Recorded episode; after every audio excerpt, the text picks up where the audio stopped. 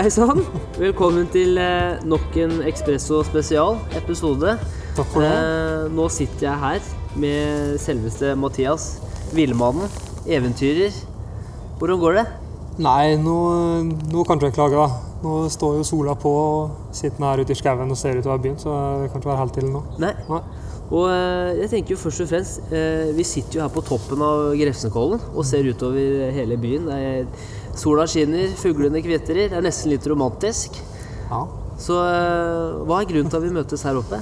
Nei, jeg hadde jo kommet opp her i går. Eller på baksida av kollen her, da. Og, da, og hadde en natt på den plassen vi prøvde å gjøre intervjuet sist gang. Da, da lyden ikke funka. Takk for at du gir meg et nytt forsøk. Det er som et lykkelig forhold. Man må prøve et par ganger. Man må jobbe med det. Ja.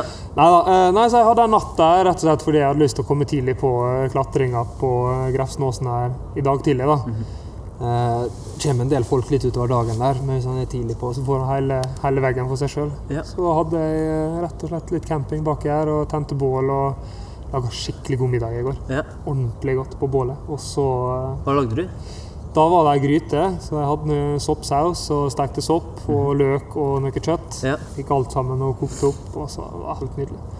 Og drakk litt eh, sjampis, da. Ja. Ja, Feira at det var helg, rett og Ja, men man må jo det. Ja. Man må jo det i, i de tidene. For at det er jo eh, Jeg tenker jo for folk flest da gjennom eh, på en måte de siste ukene har jo eh, Som vi snakka om i forrige episode, har jo snudd opp, opp ned for veldig mange. Ja. Eh, og jeg husker jo på en måte i, i begynnelsen av mars, når regjeringa hadde den eh, konferansen sin, at nå skulle vi stenge ned og kjøre strenge tiltak framover. Mm. Eh, de fleste var jo i jobb, men du De fleste var i jobb i Norge, selvfølgelig. Men det var jo ikke du. Hvor var du, da? Nei, eh, da hang jeg rundt i Namibia, midt ute i bushen der, eh, opp mot grensa til Botswana. Eh, jeg, fløy jo ned dit når han hadde hørt om korona eh, når jeg dro, til, stakk Namibia, men, men det var liksom bare atter en sånn greie. Sånn som jeg, jeg syns det kommer nesten hvert år. En eller annen sånn der influensa og noe nytt greier. Så jeg, jeg, tenkte ikke noe særlig på det når jeg stakk nedover der. Eh, og så stakk jeg inn i bushen og og skulle være med de her sanfolket, da, de bushmennene som er der. Det er jo liksom de urfolket da, som bor i Namibia. Og, og var der og skulle lære litt av dem med både liksom, sånn, eh, å leve av naturen og hvordan de gjør det. da. Og ingen internett, ingen connection, ingen TV, ingenting. Så når jeg stakk inn i, i villmarka der, så var liksom verden riktig, da. Ja. og så når jeg kom ut igjen, kom inn på en bensinstasjon der det var wifi og fikk skrudd på telefonen, så bare tikka disse nyhetene inn da, om bare krig Det, det var jo skikkelig svartmala en stund. Ja. Jeg husker jo det når du så åpna nyhetene. der, så var det ikke snakk om at det, nå er det noe som skjer. Det er jo lockdown, det er lockdown, det er nye tilfeller, det er så mange døde. Det er liksom statistikken som bare satt og tikka mens du så på oppover. da. Eh, Så det var liksom å gå fra, fra verden før korona, ut i bushen og komme tilbake og bare være midt i en pandemi. da. Ja. Det var litt sånn surrealistisk. må jeg innrømme. Men det, for det er jo veldig mange som faktisk eh, drar på sånne der runaway eh, retreats, hvor de på en måte ikke skal ha noe eh, tilgang til internett eller sosiale nettverk whatsoever, for å på en måte eh, bli bedre kjent med seg sjøl. Ja. Få mer ro. Men du gjør det her på en måte, Det her er jo vanlig for deg, å være aleine ute i naturen. Ja, ehm, ja altså jeg, jeg drar sikkert på noe retreat, for jeg gjør det på, på egen hånd, på en måte.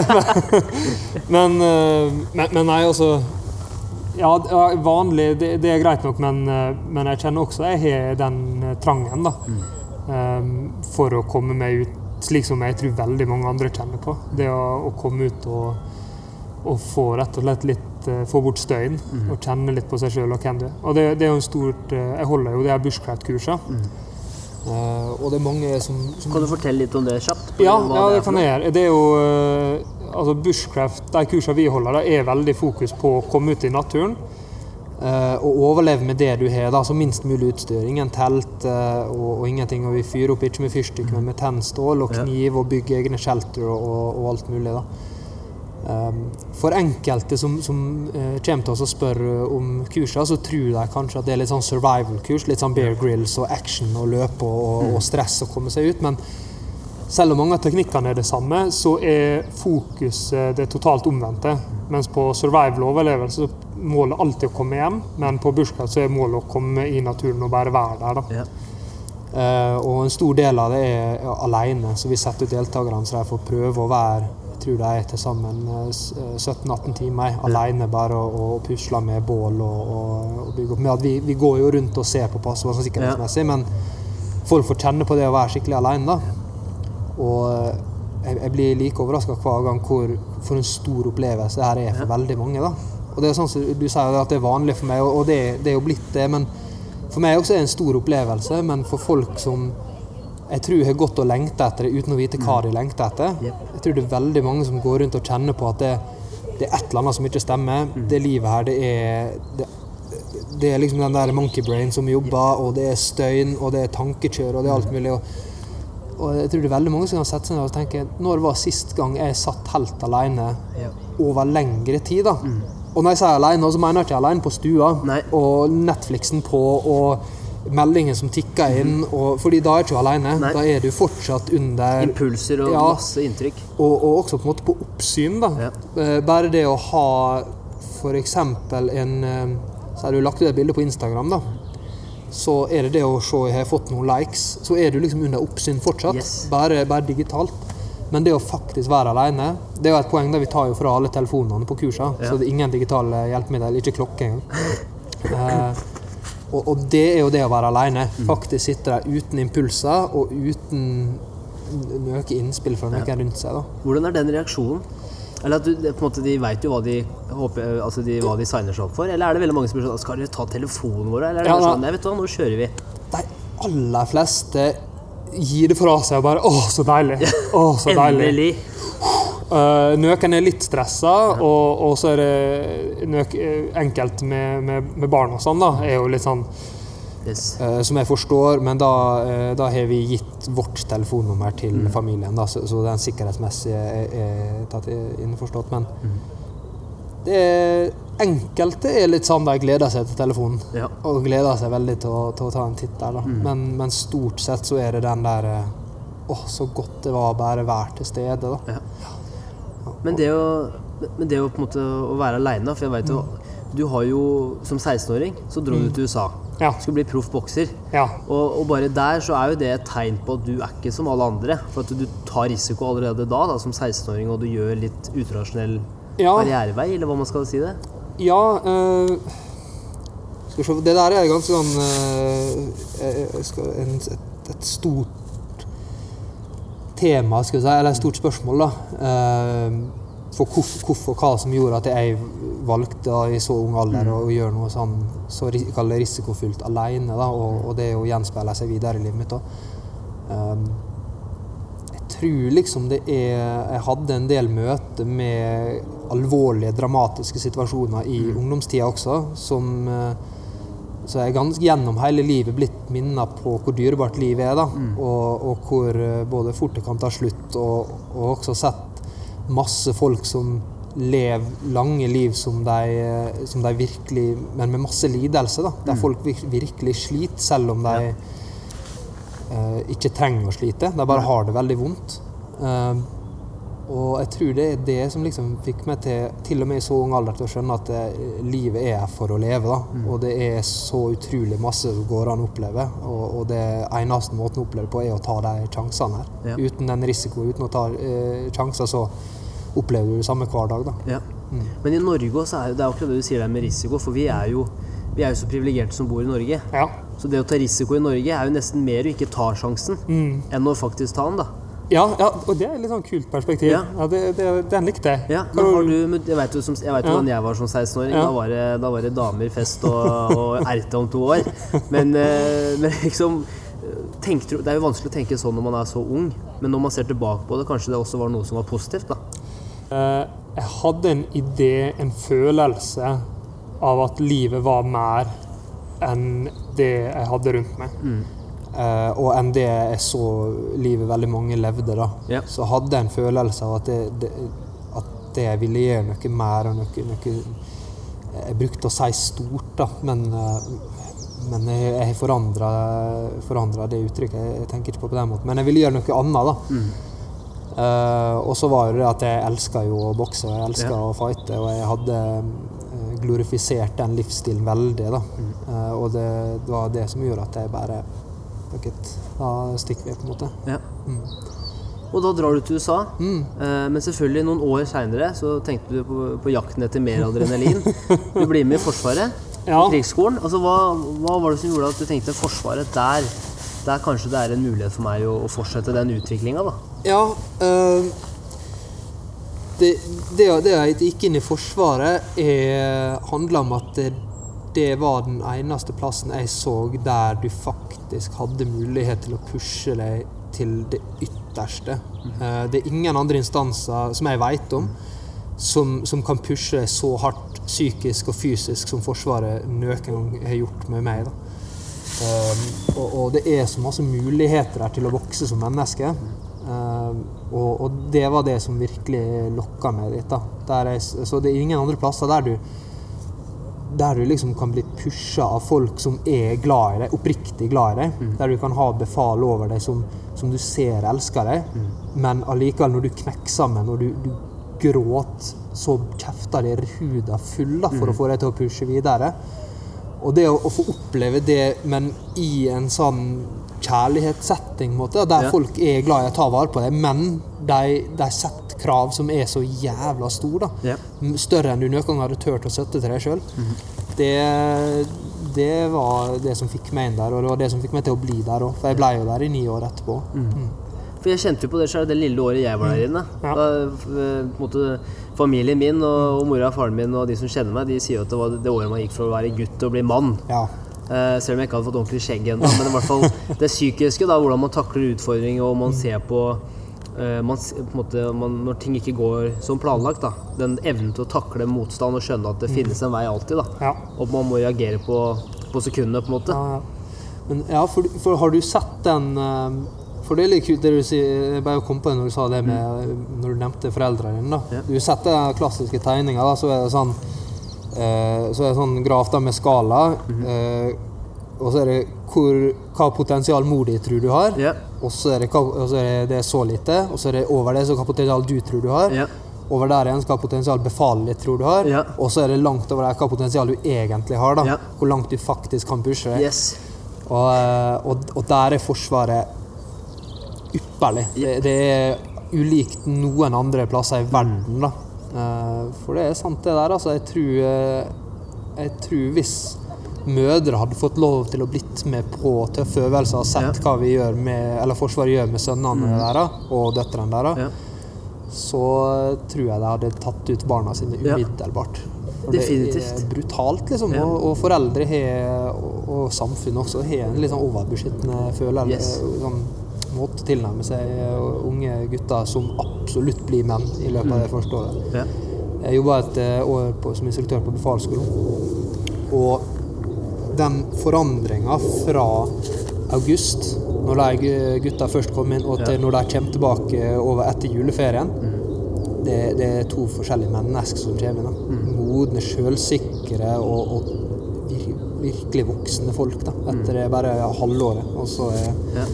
og så bare fortsetter de å vokse. Så det, det er noe av det fineste jeg har vært med på, tror jeg, er å få være med på den utviklinga av, eh, av soldater som kommer inn i Forsvaret. Mm. For det er jo det der, det der den selvtilliten. Det der å være- bli trygg på egne valg, da. Ja. Men samtidig også være ydmyk i forhold til at man jobber på et team. Ja. Jeg tror det er veldig mange yngre, eh, og jeg, merket, eh, eller jeg har sett selv òg, at man har veldig godt av å få litt motgang. Men jeg veit ikke hva du har tenkt på i forhold til kanskje eh, min generasjon og de som kommer etter nå. Det med å bli sydd puter under armene på. At det kan Ja. være litt sånn dullete generasjon. At man, er litt, man får medalje for å delta, på en Ja. måte. ja.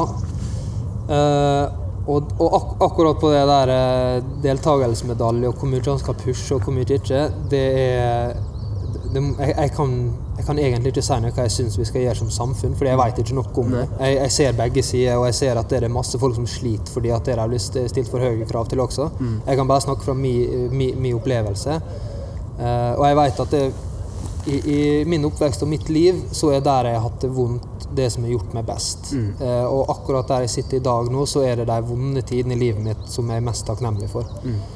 Um, folk som har uh, hjulpet meg over, snille snill og god, klart jeg, jeg er glad for de, de også, men det er ikke de som har gjort meg eh, Eller gjort at jeg greier å, å ha det så fint i livet som jeg har nå. Det er når ting har vært dritt, og når folk har vært urettferdig og alt det greiene der, og hvordan jeg reagerer på det. Så personlig så er det det som jeg, som jeg er mest glad for.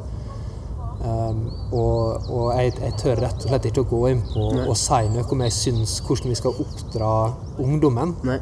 Fordi jeg, eh, jeg er ikke gammel, da. Men jeg, jeg er fortsatt der at jeg har tatt meg sjøl og vært sånn Faen, denne ungdommen som eh, skjønner ikke hva de driver på med. og Hadde de bare, hadde de bare visst, gjort slik som meg. Men på den andre sida jeg har hatt eh, Jeg har sett et generasjonsskille fra de første soldatene jeg fikk i Forsvaret, til noen av de siste. Og de siste er sinnssykt Veit masse mer om livet, om verden, om De kan stille meg til veggs på, på viktige liksom, spørsmål. Og det, det var, slik var det ikke før. da. Nei. Og det, det tror jeg er masse med liksom, den, hvor masse informasjon ungdom sitter på i dag, gjør at det der er en helt annen ressurs enn det der kanskje har vært tidligere. Ja, definitivt. Vi har jo også vi har jo tilgang til internett, og, og du kan jo på en måte Har du et spørsmål, så kan du få svar på det innen tre sekunder. To Ja, ja. tasteklikk. Um, men det der å Bare rask på det i forhold til det der å når man eh, Gjennom Forsvaret så takle motgang, takle utfordringer. Eh, for på en måte I forrige episode som vi hadde med, med Sondre og en annen kompis av meg, Ola, så var det jo nettopp det der med når korona traff. De jobber jo begge i det kreative yrket. Ja. Og for dem så snudde jo det opp ned på planene deres de neste seks månedene. ja. Eh, og du er jo en, en eventyrer. Kan du si litt om på en måte, først og fremst, hvordan er det du Hva er karriere for deg? Ja. Hverdagen for deg? Og så hva skjedde måte, med korona? da? For jeg, jeg, slutta i, eh, jeg slutta i Forsvaret for to år siden. Og, og ville leve livet som med bergkoina sjøl at det, det her er eventyrer- eventyreryrket. da. Eh, så, som betyr litt forskjellig. Det betyr både sikkerhetsoppdrag i, eh, i utlandet, i, i både Afrika og Midtøsten, og, men også eh, ekspedisjoner og høye fjell, og lage dokumentarer av eh, padleekspedisjoner i Sør-Amerika. Eh, Så det er litt av alt. Eh, Men for, for å komme tilbake til, til spørsmålet hva korona gjorde med den eh, utradisjonelle karrieren der, var at alt bare forsvant. Eller ble satt på stopper. da. I løpet av de to åra har jeg jobba beinhardt for å komme til der jeg er nå, og endelig nå i år så så jeg bare at det begynte å rulle skikkelig. da. Jeg hadde hatt, April hadde vært min desidert beste økonomiske måned noensinne. Verken eh, både før og etter Forsvaret. Um, og, og der gikk det bare pst, de, eh, nesten ei halvårslønn ut vinduet, på en måte. Um, og, og det er jo en litt sånn Da har han uh, to valg, da. Uh, han kan jo liksom bare la gå inn i en liten sånn depresjon på det og, og, være sur og bitter. Men så er det en ting som er veldig bra, og det er den muligheten som dukker opp. For plutselig så har du eh, pusterom og spillerom til å sette seg ned, være kreativ, tenke ok, men tenke helt andre bane igjen. Uh, dersom korona ikke har skjedd, så hadde jo hverdagen min vært ganske smekk-smekk. Det har ikke vært noe særlig pusterom. Da har jeg vært liksom på et fly hit, og så har jeg gjort en jobb, og så et fly dit, og så dung, dung, dung. Og så hadde ting bare skjedd. Men nå har jeg på en måte fått noen måneder gratis med, med forberedelse og trening. Så, så eh, når, når liksom jeg kom tilbake til Norge fra Namibia og fikk liksom eh, forstått situasjonen, at eh, virkeligheten min framover nå er å ikke jobbe, så var det egentlig bare å tenke ja, bra. Da har jeg god tid til de prosjektene som jeg har hatt på som jeg liksom har satt på vent, eller til å sette meg ned og tenke helt nytt. da. Og, og for min del nå, så, så har jeg kanskje hatt eh, vokst enormt. Både personlig og men også i sånn karrieremessig. Så jeg starta nytt eh, AS nå, eh, og eh, fått masse nye partnere som har kommet inn der, og det er liksom ting ruller skikkelig. da. Bare, men i litt i andre parallelle baner enn det jeg hadde gjort uten. Yes. Så når det her slutta, da, så vil jeg ha alle de nye prosjektene jeg starta, som ruller sammen. Men det som har blitt satt på pause i korona, vil jo fortsatt være der. Ja. Da vil jeg bare starte på nytt. da. Yep. Så da har jeg, vil jeg gå tipper jeg dobbelt så sterkt ute, så jeg gikk inn i korona. Og det, det perspektivet der, Mathias, det er veldig spennende, for det eh, Noe som også Sondre i forrige episode snakket om også, er jo de som de som er selvstendig næringsdrivende, eller de som jobber for seg selv, er jo de som går all in for Som på en måte ikke har den trygge eh, lønna å komme til. da. Ja. Eh, de har på en måte ikke noe annet valg enn å kunne tilpasse seg raskt, sammenlignet med de som sitter i en trygg jobb. Mm. Og det, det du sier der, er jo akkurat det i forhold til at etter sjokktilstanden kommer, da, når du skjønner Å, herregud, hva, hva skal jeg gjøre nå? Ja.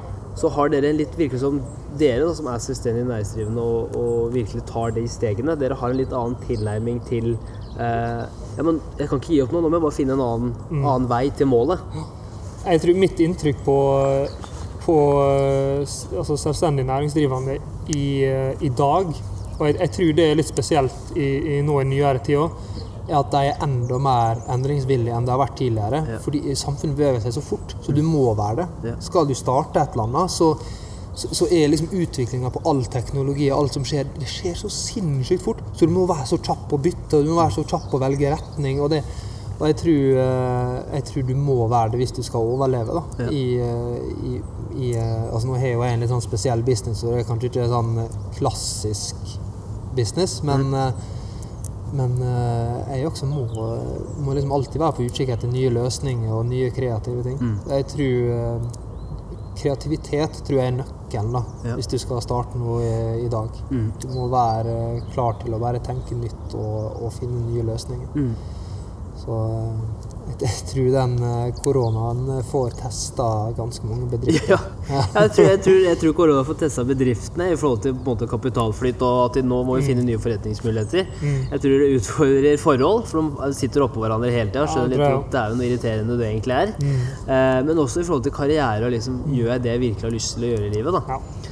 Eh, Du får jo den pausen til å tenke på akkurat det der, da. Du får jo det. Men jeg, jeg tror korona er, kommer til å være veldig bra for oss. Altså i, i the long run, da. ja. Jeg tror det vi, Og så syns jeg det er utrolig fint, og det må, det må jeg også si, at jeg syns nordmenn er Utrolig flinke nå. Jeg syns alle tar godt vare på hverandre. Mm. Eh, jeg, leser av og til noen sånne greier på nyhetene. at nei, det er fullt i gaten, og ingen, folk gir Ja. faen og driter i Det er ikke min opplevelse, i hvert fall. Min opplevelse er at eh, folk er holder fin avstand, folk er flinke.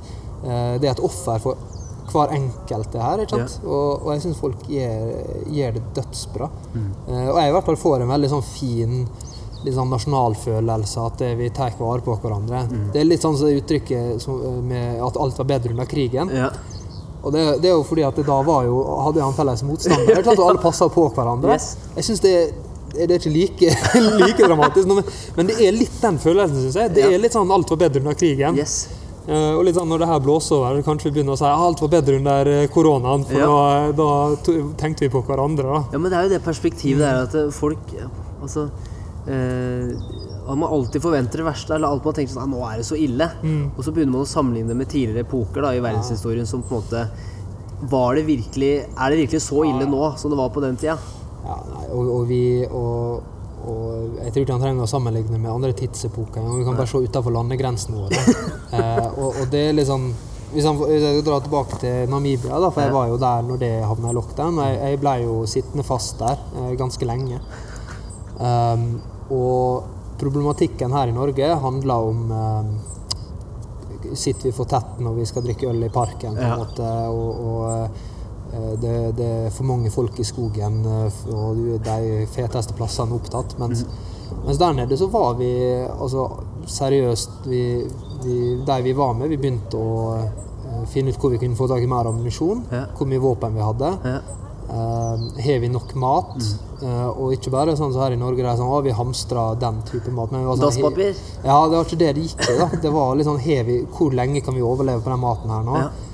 Eh, og så det begynte, Vi hadde jo situasjoner der som ble skikkelig ubehagelig. Der det var hvem får lov til å være på det området her nå. Ja. Og, og jeg var jo en av de eh, Altså, vi hørte ikke hjemme der. Nei. Så vi begynte å kjenne at vi blei pusha ut. Ja. på en måte. Vi blei liksom flytta fra det huset vi bodde i, til et hus lenger nærmere gjerdet, som er Mm. Hovedveien der. og der eh, følte vi oss trygge der, så vi endte jo med å, å stikke fra den plassen vi egentlig skulle være, eh, nærmere Botswana, inn til en gård. Det, der vi, det var noen jeg var med der som kjente noen som eide gården der, da, Mm. og flytta inn dit. Og der hadde vi mulighet, eh, dersom shit hit fan, da, til Ja. å jakte og til å skaffe mat fra, fra gården. Da. Men der også var det, problematikken var at dersom Sør-Afrika stenger grensene og slutter å levere eh, ressurser hit, slutter å levere mat, så vil folk begynne å, å drepe og rane hverandre. Ja. Og det, det var vi klar over. Ja. Og, og fra det å fly til Norge, og så er det sånn Ja, ting er kjipt, og det er klart det er det, men vi er sinnssykt heldige. Ja. Og vi har politikere vi stoler på. Ja. Og, og vi har alle som liksom jobber med det situasjonen her i Norge, syns jeg gjør en formidabel jobb. Og jeg er liksom bare nesten litt sånn stolt av dem Mm. også. Så nei, jeg er glad for han bor i Norge. Ja, men det, det, er, det er litt det jeg tenker på eh, i forhold til det, den skandinaviske velferdsmodellen. Da. Den har liksom, vi har veldig stor tillit til både enkeltpersoner på topp, men også institusjoner. Eh, og jeg tenker at sånne tider som det vi er nå, det er nå vi skal virkelig dyrke det. da. Ja. Og sette pris på at vi faktisk kan eh, tenke at regjeringa eller eh, på en måte ledelsen da, tar valg som er bra for befolkninga. Eh, men samtidig så vi er jo utrolig heldige. ja, vi er det. Vi er det. Vi er veldig, veldig heldige. Men, eh, og jeg syns ikke vi folk klager for, for, Klart folk klager litt, men det skal man gjøre. tenker Ja. jeg. Det er en vanskelig situasjon, og vi må gi tilbakemeldinger. Men eh, mitt inntrykk er at eh, folk forstår hvor heldige de er òg. Ja. Det, det er det absolutt. Så jeg tenker i forhold til det med på en måte der vi er nå, da. Eh, hvilke, hvilke forbilder har vært viktige for deg? Eh, både der du er i dag, men også gjennom, eh, gjennom livet ditt så langt. Er det noen spesifikke Altså Mike Horn? Ja, Mike Horn har er jo jeg snakket med, men hvis han skal dra det eh, til akkurat nå med koronatida, Ja. så, så må jeg gå til Jocko Willink, da. ja. Uh, som er en gammel Navy Seal Commander som har skrevet flere utrolig flotte bøker. Nettopp gitt ute bok nå. Eh, og, ja, for det er han som skrev 'Extreme Ownership'. Extreme Ownership, ja. Og nå har han, skrevet, også, han også skrevet 'Discipline equals freedom', og så har han skrevet en ny en nå som er Den liker jeg. Ja, 'Discipline. Equals Freedom'. Den, den syns jeg er kjempefin. Ja, og så har han en ny nå som er sånn et eller annet leadership of field manual, strategic leadership of field manual, et eller annet. Mhm. Men eh, nei, for han har, han har en sånn eh, Måten han reagerer på motgang på, er at det han alltid sier bra, og så sier han hvorfor det er bra. Ja. Og det er Uansett hva som skjer, da. Det er litt sånn Ja, du mista funding. Bra.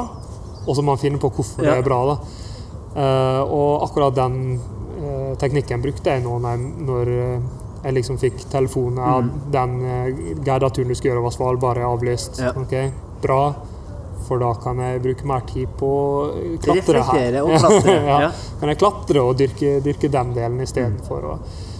Um, så, så akkurat nå så, så er det den der eh, Ta ting som det og finne det positive med det. Og det er han Jocko en av de beste i verden på, tror jeg. Mm. Ja. Mm. Så, så akkurat nå så er det nok han. Kult. Eh, nå, som du sier da, så nå har du jo fått tid til å, å dyrke de tingene som eh, på en måte Selv om korona har satt en liten stopp for det, så har det også vært positivt, for da kan du forberede for det neste steget. da. Ja. Eh, men på de siste to-tre åra nå hvor du har virkelig gått all in da, for å kunne tjene penger på det å være en eventyrer og det å, å på en måte rett og slett være Mathias, da. ja. hva er det du har lært bare på de tre åra hvor du faktisk har gønna på for deg selv? Ting kommer. Ja. ting, ting kommer, og være tålmodig. Eh, fortsett å ha gode ideer. Eller rettelse, fortsett å ha dårlige ideer. Eh, jeg spyr jo ut masse ideer som, som alt er mot i samme retning. Eh, og så kollapser én og kollapser én, og så får ikke støtte til den. Og, så den. og det å ikke la seg liksom Det å forstå at det, de ideene og planene som ikke går, er bare en del av prosessen. Og det, altså, hver gang du feiler, så er du et steg nærmere. Da. Ja. Og det, det blir bare så tydelig for meg gang på gang at det jeg har hatt, eh, Hvis jeg skal ta, ta det som et eksempel da, jeg har hatt, eh, når jeg var i Kenya, som jeg var rett før jeg dro til Namibia, så, eh, så skulle jeg sette opp og re, skulle jeg rekognosere og sette opp en tur der, en guidet tur til Mount Kenya. og En klatretur der. og Der brukte lang tid. Fant han jeg ville jobbe med. Fikk meg en partner der nede. Ordna med hotell, transport, alt mulig. Så jeg hadde en hel pakke klar. da. Kom hjem til Norge, skulle begynne å selge det. Prøvde. Ja, det gikk ikke. Prøvde en annen plass, et annet firma. Ja, de, ja faen, de var interessert. Eh, de skulle så klart ha en del penger for det, med bla, bla. Og så kom korona, så forsvant det. Ja.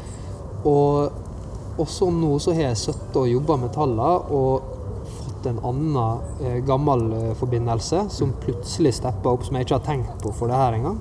Eh, som nå vil også lage et firma delvis rundt eh, de her type turene som jeg har satt opp. da. Ja. Og begynte å se på pengene, hvor mye jeg kan tjene på å gjøre det på egen hånd istedenfor å selge Mm. Og jeg det er over tre ganger så mye får jeg sjøl i lomma med å gjøre det sjøl. Um, og, og det er liksom bare sånn Alle de Hadde det funka første forsøket, da, så hadde jeg sittet igjen med masse mindre eierskap til det. Jeg har tjent masse mindre på det. Jeg har hatt mye mindre frihet til å gjøre det, gjøre det akkurat sånn som jeg ville. Da. Uh, så det er litt sånn jeg ser at det Når ting ikke går slik som du hadde håpet første gangen, så, så er det bare et steg på veien. da. Ja. Ja. Og, og jeg er bare mer og mer For hvert år nå så detter jeg mer og mer inn i der jeg, jeg skal være og føler jeg burde være, og det føles mer og mer riktig. da. Sånn, jeg satt i fjor og tenkte nå er jeg akkurat der jeg skal være.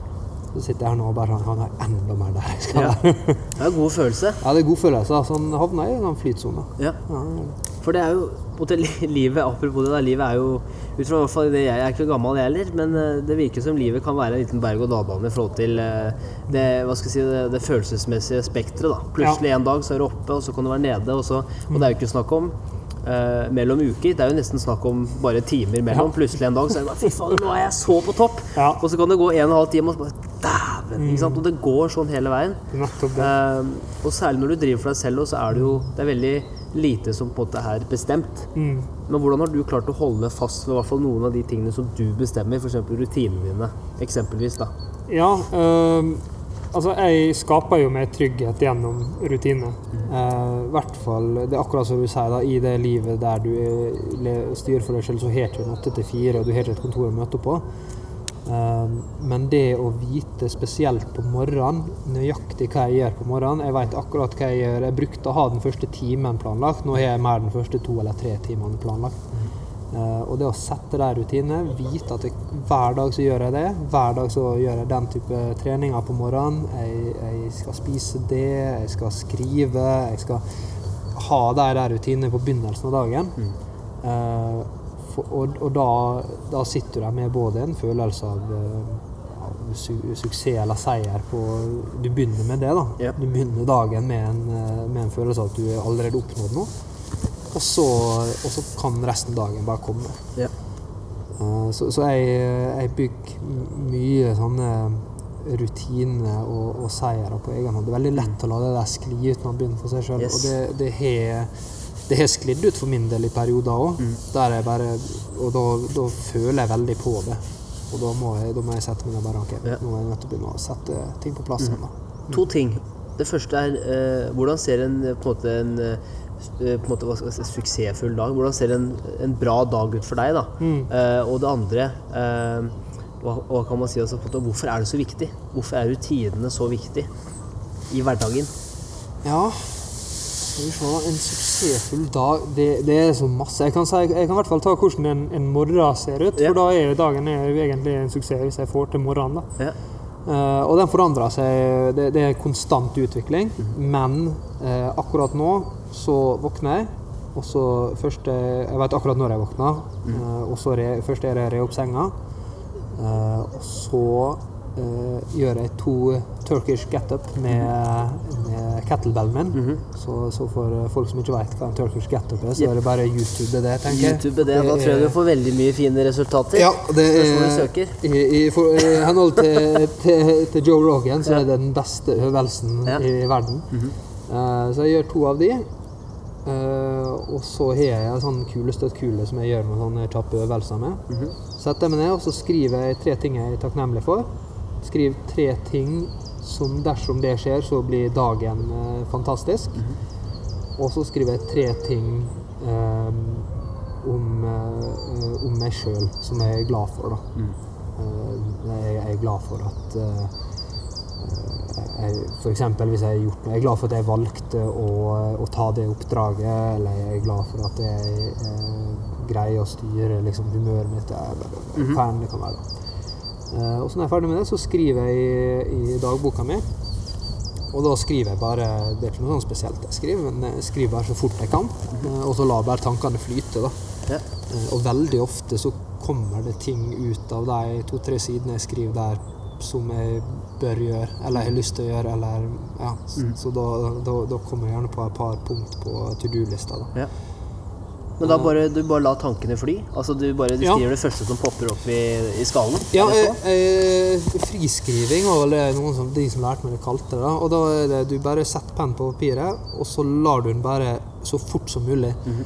Eh, og ikke noe problem hvis du stopper midt i en setning og begynner på en ny en. Mhm. Og hvis du skriver, ser ned og du ser at du skriver med fin håndskrift, så skriver du for sakte. Så skriv Ja. Mhm. fort. La det liksom Det, det ser Skal være kaos. ut. Ja, Ja. Mhm. for det skal bare være en sånn brain dump. da. Eh, og det er, må skje tidlig på morgenen. Mm. Det har effekt ellers òg, men tidlig på morgenen så er hjernebølgen din i, i alfabølge. Mm. Og det her er jo sånn som eh, Thomas Edison visste jo det her uten å vite det. Han visste Ja. ikke om hjernebølge, men Nei. han visste at det var et eller annet med hodet rett etter du våkna. Ja. Eh, Så han brukte jo å legge seg på sofaen sin hvis han ville bare jobbe med gode ideer. da. Så hadde han ei tom skrivebok og en penn ved siden av, og så la han seg på sofaen med et eple i hånda. Ja. Og så lå han, og så når han sovna, så ville han da miste eplet. Og når det traff bakken, så våkna han. Ja. Og da satte han seg rett opp og begynte å skrive. Og det var fordi da kom, fikk han mye gode ideer. da. Ja. For du er i den, de alfabølgene, så er du i et mer kreativ modus. Ja. Eh, Det er derfor det er viktig å gjøre på morgenen, og noe av det første han gjør. da. ja. Så, så får jeg, det får jeg veldig masse ut Mm. av. Anbefaler seg friskriving der, altså. Så det er det første på måte, rutinen din på morgenen. Og så hvorfor er det viktig? Vil du, hvorfor vil du si at, på en måte, at La oss si at eh, kanskje nå i usikre tider da, gjennom de siste ukene, for det har vært for folk flest, hvor det har vært på en måte, folk har blitt permittert, eller Ja. kanskje vært mindre jobb, eller Hvorfor bør man da ha eh, på en måte Hva rutinen er, er jo sikkert veldig individuelt, men, Men noe hvorfor? på morgenen. Ja. Og det er en, en- flere grunner, men en veldig viktig grunn er at det, det, det tar bort ganske masse angst eh, ved at det ofte så våkner folk, og så treffer dagen deg i trynet. Mhm. Du våkner, og så er det, har du dårlig tid allerede, og så må du være fortere, og så bare skjer ting, da. Mhm. Mens dersom du veit nøyaktig hva som skal skje på morgenen, så, så trenger du aldri være, liksom, grue deg til å legge deg og sove, fordi du veit hva som skjer dagen etterpå. Det, du kommer ikke til å våkne og få noen overraskelser. Du våkner tidlig, og så veit du nøyaktig hva du skal gjøre, og det er et veldig fint sånn anker å ha i livet. Eh, det, det setter i, i tidspunktet i, i tid i livet mitt der jeg har vært veldig stressa, så, så er det de morgenrutinene har vært bare en eh, så kjempevelsignelse på dagen. Da. For det, det gir meg Det gir deg det pusterommet på morgenen. Og, og det gjør at det du, du kan sitte der og forberede deg på dagen på en helt annen måte enn det, Ja. du, det du gjør hvis du bare våkner og så bare skjer ting. Da er du plutselig ikke i kontroll på din egen dag lenger. Det er akkurat det. Jeg, jeg merker også veldig stor forskjell mellom de dagene hvor jeg faktisk har tatt meg tid til å på en måte vite hva jeg skal gjøre de første timene, kontrollere det, kontra når du våkner for seint, du stresser til jobb, du skal på kollektivtransport, du skal liksom Alt Ja. er stress, da. Ja. Og så kommer du på jobb, og så er liksom, det er stress hele dagen. ja. Uh, og jeg ser liksom bare den derre det å, å, å, Jeg er veldig glad i kaffe, så bare lage den gode kaffekoppen på morgenen og sitte ned og tenke ok, hva er det jeg faktisk ønsker å oppnå i dag? Eh, hva er jeg takknemlig for? Liksom, hva er det ting jeg må fikse? Og, for du kontrollerer det, ikke sant? Og det, det, er akkurat, det er akkurat det jeg gjør i, i boka mi først òg. For da er det hva jeg er takknemlig for, og da er det litt sånn bakover. Ja. Og så hva vil jeg oppnå i dag? Eller hva er, jeg, spørsmålet jeg skriver hva vil gjøre dagen fantastisk, men det er jo hva vil jeg oppnå? Det er jo det, da. Uh, Og da, da ser du både bakover og framover, men med et positivt innstilling. Da Da er liksom den takknemligheten er, er sinnssykt verdifull. Det er undervurdert. Folk må Bare det å putte seg sjøl i en sånn eh, takknemlig mindset, det har utrolig masse jeg anbefaler alle. Ja. Men bare det, også det å se på dagen, hva jeg har lyst til å oppnå i dag.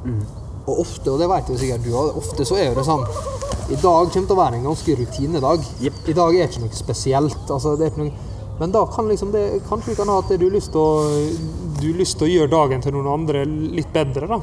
Og det, og, og det, det høres ut som bare sånn veldig koselige ting å skrive, men, men det, er, det gjør noe med deg òg. Ja. og det for min del så kan det være liksom å kjøpe ha, Hvis jeg skal møte noen, da, ha med kaffe f.eks., eksempel eller ha med et eller annet å spise, eller en liten gave, eller liksom gi et kompliment. eller et eller annet. Så, så i de rutinedagene for min del så bruker det ofte å handle om liksom hvordan jeg kan være eh, bra mot noen, noen andre. da. Ja.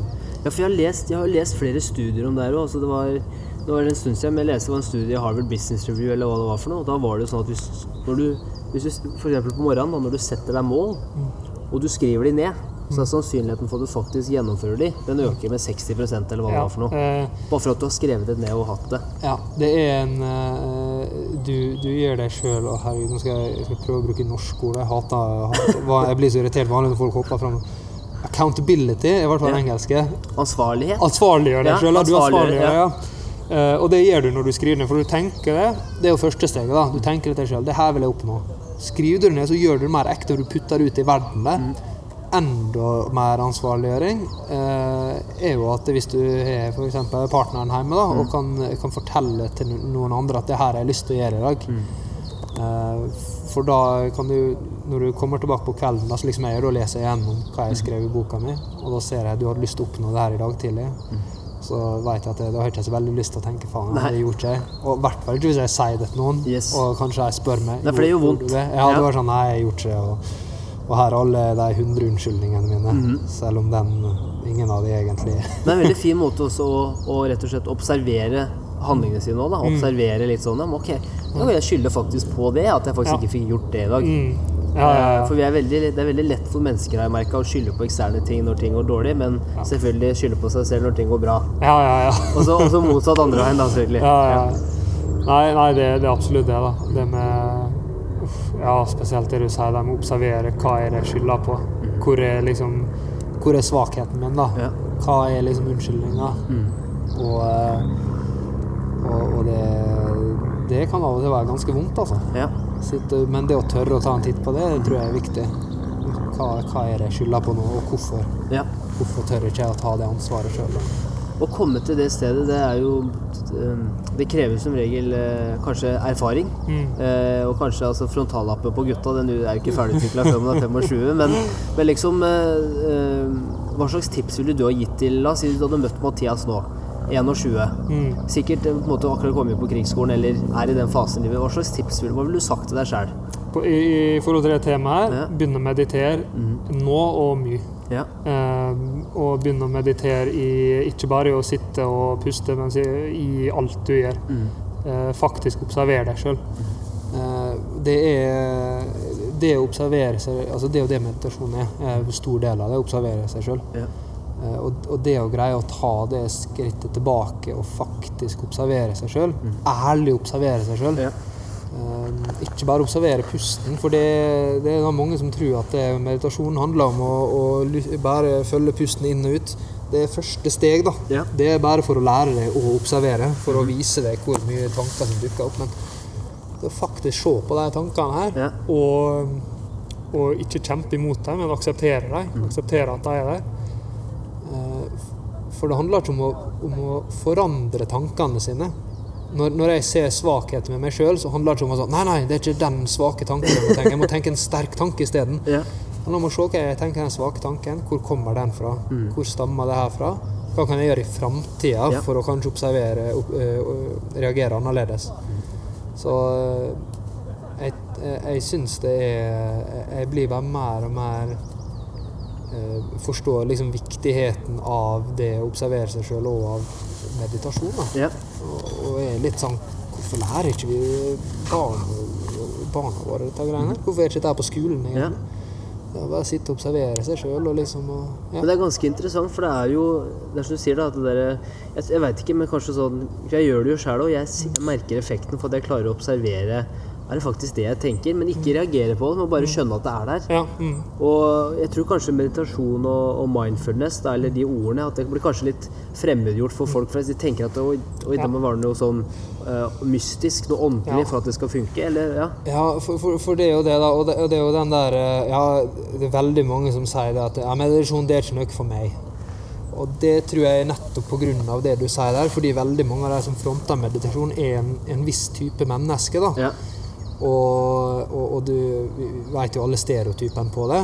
Eh, og, og det er det mange som har litt sånn avsmak for, da. Um, og, det er jo en ting som jeg har uh, litt sånn Som jeg syns er viktig med masse av det jeg gjør, det er jo kanskje å snakke om de tingene her på en måte som er forståelig for folk. Jeg også ble jo introdusert for det fra kanskje litt den stereotypiske veien. Og så tok det inn, og så begynte jeg å kjenne at ok, det her funka ikke for meg, det her funker ikke for meg. Eh, Nei, det er ikke helt sant. Første gang jeg ble introdusert for meditasjon det, det her, ja, Sorry, jeg må rette for meg sjøl. Jeg, jeg, kom inn i det der jeg kaller spirituelle, litt sånn dreads og alt det greiene der en stund. Ikke jeg, da, men folk rundt meg. Ja. men første gang jeg ble introdusert for meditasjon, var av forfatteren av eh, 'Stillhetens råskap', eh, som er en bok om mindfulness. Ja. Og han kom på krigsskolen, eh, for han hadde trent eh, jagerflypiloter i Norge i mindfulness eller meditasjon. Mm. ja. Og, og fortalte om det, og fortalte hvorfor vi lærer eh, jagerflypiloter i Norge å meditere. Mm. Og, og det handler om det å kunne bytte fra ei oppgave til ei anna Ja. uten å dvele og bla, bla, bla. alt det her da. Han veldig sånn pragmatisk fortalte det på en måte som var totalt forståelig for alle i salen. Vi satt der og nikka og, Mm. Ja, ja, ja. i full uniform. Bare sånn, det her gir mening, det her er god stemning. Mm. Tenk hadde det kommet en sånn eh, kar med liksom langt skjegg, langt hår og en eller annen sånn der eh, og kommet liksom og sagt 'namaste', Ja. folkens. Det, det, har sånn, det, det har blitt bare avfeid de luxe. Ja. Men han kom. Hva heter han? Mæland? Mæland? Jo. Nei, det, nå Ja. skammer jeg meg litt, for jeg ikke husker Nei, men det kan vi jo finne ut. Finne ut av det. Han, Ja. han er utrolig flink. Han kom og han snakka et språk som alle forsto. Jeg hadde ingen forhold til meditasjon. Mhm. Aldri. Jeg har bare hørt, sett det på film og syntes det så litt sånn skummelt ut. Ja.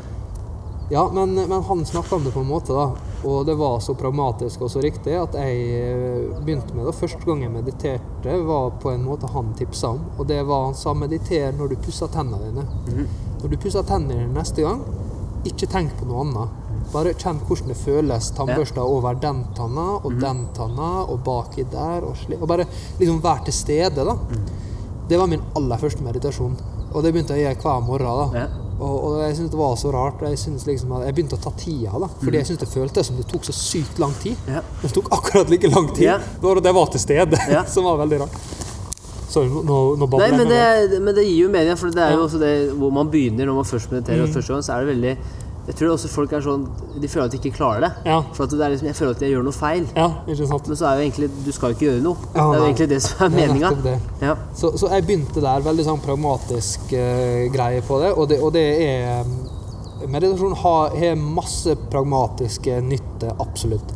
Men jeg tror også det kommer på en måte ikke unna det. da at det, dersom du holder på med det lenge nok, og du kommer djupt i det, så vil du oppleve noe annet enn bare at du er flinkere til å bytte mellom oppgaver og være til stede. Eh, jeg sier ikke noe religiøst, Nei. jeg sier ikke noe spirituelt, men jeg sier at det, du, du kommer til å oppdage eh, måter å oppleve livet på, eh, på, på en annen måte, på en djupere måte. Ja. Og, og det er jo Det er derfor altså, Alt jeg gjør nå, har en meditativ tilnærming, kan man si. Ja.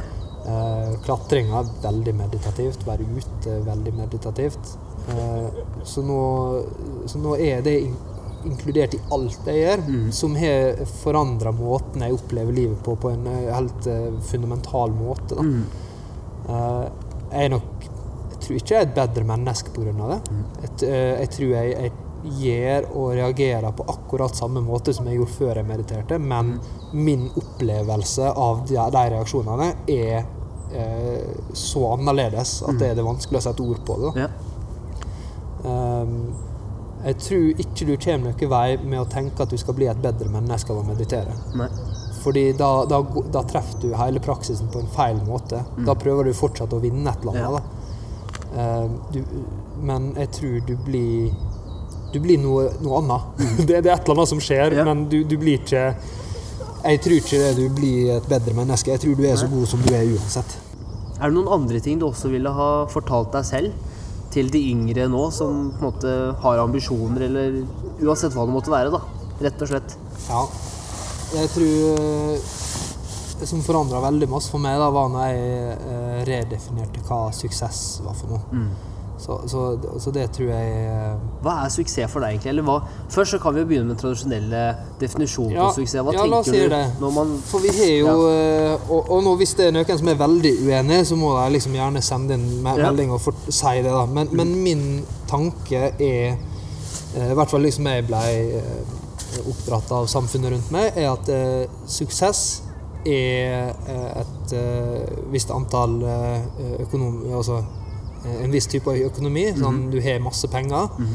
Eh, og du skal ha gjerne to biler, uh, stort hus, du skal ha hytte. Altså det er veldig sånn veldig målbart. da. Det her Veldig er materialistisk. Ja, veldig materialistisk Ja. fokus på det. Uh, og så skal du være gift, og så skal du ha liksom eh, to barn, kanskje, og, og med sånn forskjellige variasjoner om du skal ha én, to eller tre der, da. Men, men altså, det er veldig sånn eh, Hvordan du gjør det økonomisk, er, er mitt inntrykk av eh, Var i hvert fall hele livet mitt inntrykk av hva suksess var, da. Og, og det, det Den liksom opplæringa der med hva suksess er, det satt så tungt i meg at når jeg skulle begynne å bruker bruke et klisjéord følge drømmene mine, Ja.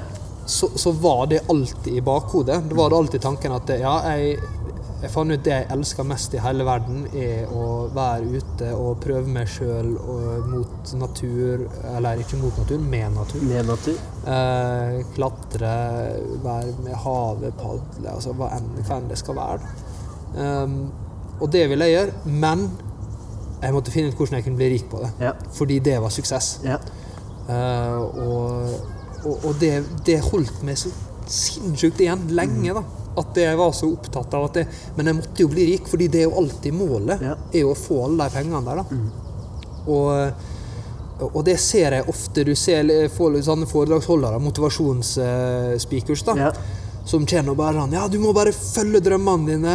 Du må tørre å satse Passion. fordi Ja, fordi en dag så kan du ha samme bilen som meg. Og så smeller opp et stort bi- bilde av en Ferrari og en mansion og bare sånn Ja, ja, det er ett fett kar du nå. Følg drømmene dine fordi Ja. du også kan bli så rik. Og så er det sånn Nei! Nei. Fucking bullshit. Det er ikke det det handler om. Nei. Du, hvis du elsker å være ute, Ja. da skal du gå ut og skal du være i skauen. Det er suksess, da. Det er, det, det, det er ikke, du skal ikke gå i skogen fordi du kan få penger nok til å kjøpe en Ferrari. Um, eller du skal, hvis du elsker å, å lage mat, da. Ja. Hvis, du skal være, hvis du elsker å lage mat, så skal ikke du stikke og lage mat fordi du en dag kan uh, bli en stjernekokk og få et kjempestort hus og tjene millioner. Nei, du skal lage mat fordi du elsker å lage mat. Ja. Uh, alt det andre er bare whatever, da. Ja, det kan skje, det kan ikke skje, men Men la oss si at jeg lever det livet jeg gjør nå, akkurat liksom jeg gjør nå, og, er, og, og, og jeg er oppriktig lykkelig nå med det jeg driver på med. Oppriktig lykkelig. Og jeg fortsetter akkurat sånn som jeg gjør nå, og så er jeg plutselig 82 år, og så dør jeg. Og uten å sitte igjen med formue. Levde- Får ikke tatt med den i grava Nei, uansett. ikke sant. Og jeg levde det helt utrolig fantastiske, spennende livet. Liksom. Det er jo det det handler om. Det er jo her og nå det handler om. Det du Ja. gjør nå, ikke de liksom, greiene du kanskje kan få i framtida. Det er ikke det som er suksessen. Så, så eh, mitt liksom, råd til meg sjøl tidligere har vært å finne ut hva det er du liker å gjøre, Mm. og så gjør du det. Hva er det som gjør deg lykkelig? Hva er det du blir glad av? Og hvis det er utradisjonelt, og, og jeg har absolutt folk som bare i, i familie og nær omgangskrets som er sånn Hva er det du driver på med, egentlig? Ja. Hvorfor stikker du dit, og hva er du, hvorfor driver du og dasser rundt i, i liksom fjellene i Kenya? Sånn. Ja. Fordi at jeg blir dritlykkelig av Ja. det. Og så kommer det muligheter for å gjøre noe med det. Og det, Mm. det er sant som folk sier, hvis du er god i det du driver på med.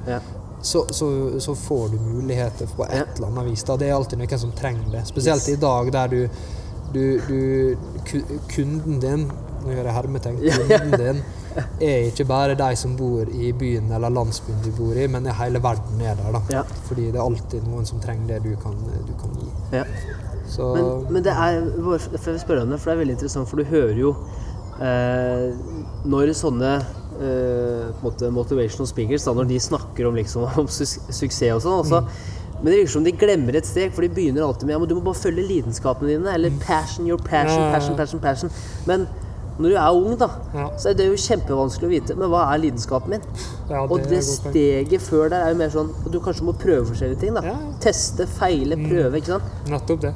Og det er litt sånn Fordi det du prøver og det, altså, På akkurat det, da, sånn som Jeg, jeg, jeg jobba jo i, i, i, i ni år i Forsvaret. Det er, er jo ikke en feil. Eh, selv om det er ikke det jeg gjør når det det er ikke det som er lidenskapen min, også, så var det aldri feil av meg å gå i Forsvaret. Um, på samme måte så er slik kan være med unge i dag også. Gjør et eller annet, og gjør det riktig. Gjør det så bra du kan. Og om du finner på noe annet, så er vi så heldige i dag at du kan bytte. det, vi er så fri, da. I hvert fall i Norge. Eh, At det, du kan liksom gå i en retning og så finne ut at du vil gjøre noe annet, men gjør et eller annet i hvert fall. Ja. Prøv å, å teste ut ting og, og bare gi litt sånn gass. Og drit litt i hva folk tenker. Det er ikke så viktig. da. Ja, det tenker jeg òg. Bare så fader er- er, For det første, jeg syns det er viktig å le av seg sjæl, Mm. og ikke ta seg selv så høytidelig. Men også ikke være redd for akkurat det du sier da. Bare, bare prøv. Ja. Hva er det verste som kan skje, sånn egentlig? Hva tenker du da? Her, eh, her i Norge så kan ikke du feile, da. Ja. Eh, her i Norge så er det Feiling er stort sett bare din egen eh, opplevelse av å feile. Um, og jeg, jeg har jo feila skikkelig, jeg har følt, og så har jeg tatt meg sjøl bare sånn OK, vent litt. Kommer jeg til å spise i morgen? Ja, jeg kommer til å spise i morgen. Har jeg plass å bo? Ja, jeg har plass å bo. Ja. OK, ja, men da er det ikke så ille, da. Da, kan du prøve igjen, da. Ja. Uh, og det er litt sånn eh, En fin øvelse er jo å sette seg ned og så uh, Før du skal gjøre noe, før du skal satse og prøve noe, mm. og så skriver du hva er det aller verste som kan skje. Og så skriver du bare ned at det aller verste som skjer, jeg mista alle pengene mine, og liksom de misliker meg, og de syns jeg er dust, og jeg bare bla, bla, bla. Og skriver bare ned hele greia. Ok, greit. Det er det aller verste som kan skje. Ja. Hvor lang tid tar det fra det til å komme tilbake til akkurat der du er nå? Mm. Som regel så er det snakk om et par måneder. da. Ja. Altså, og, og liksom, sånn som Jeg gjorde jo det når jeg slutta jobben i Forsvaret. Så skrev jeg hva er det verste som skjer. Nei, jeg bruker opp alle pengene mine på tull og ball i Nepal og India. Det var Ja. dit jeg stakk først for å gjøre noe greier. Um, og jeg havna på bommen der og må liksom få hjelp av UD for å komme hjem. Og liksom, kanskje til og med må strekke ut en hånd til noen besteforeldre som Ja. kan hjelpe meg å komme hjem og bare bøye nakken. Og så, ok, greit. Hvor lang tid tar det å komme fra det tilbake til der du er akkurat nå? Så sånn, ja, jeg er bare permittert fra jobben, da. så jeg kan jo alltid få tilbake, tilbake, jobben, til jobben, der, og da får jeg bo der. Og da er liksom, ja, altså, det, det er ikke så vanskelig å komme Nei. tilbake til null igjen. Eh, det er ikke Jeg tror det er Å liksom gå konkurs i Norge, du blir tatt vare på. Da. Ja. Ja. Nei, det er, Mathias, du har et utrolig interessant eh, Jeg vil bare si det, du har en utrolig interessant skalle. For at det er, du er ganske Men du er veldig, du er veldig reflektert på de tinga her, da, som jeg tror jeg også, Det er også derfor jeg har lyst til å ta praten med deg. For jeg vet at jeg har lært utrolig mye av deg. Jeg vet at det er flere som også sitter med de spørsmålene som jeg har, da, og som kan også lære veldig mye av dine erfaringer og det at du faktisk tør å gjøre det du har lyst til. Da. Ja. Så, så jeg håper jo også at de som lytter, at uh, dere også har fått like mye ut av det som det jeg har fått. Og jeg veit at uh, det er nok ikke det siste vi kommer til å se av uh. Nei da, nei da, det blir mer. Og så blir det å sette opp noen turer framover. Ja. Hvis det er noen som vil på ekspedisjon, så blir det satt opp til Ja. Kenya så fort grensen åpner. Ja, men det blir bra. ja. Og igjen, folkens, takk for at dere har hørt på, på dagens episode. Eh, nå er vi som sagt også kommer til å publisere flere podkastintervjuer framover. Eh, og vi er også i gang med å forberede til sesong tre av Ekspresso. Eh, vi håper også at eh, ja, Vi ser også at vi må være mer aktive på podcast. Eh, så dere kan finne oss på YouTube under Ekspresso, Instagram, Facebook, samme navn. Eh, og så ses vi snart igjen. Tusen takk!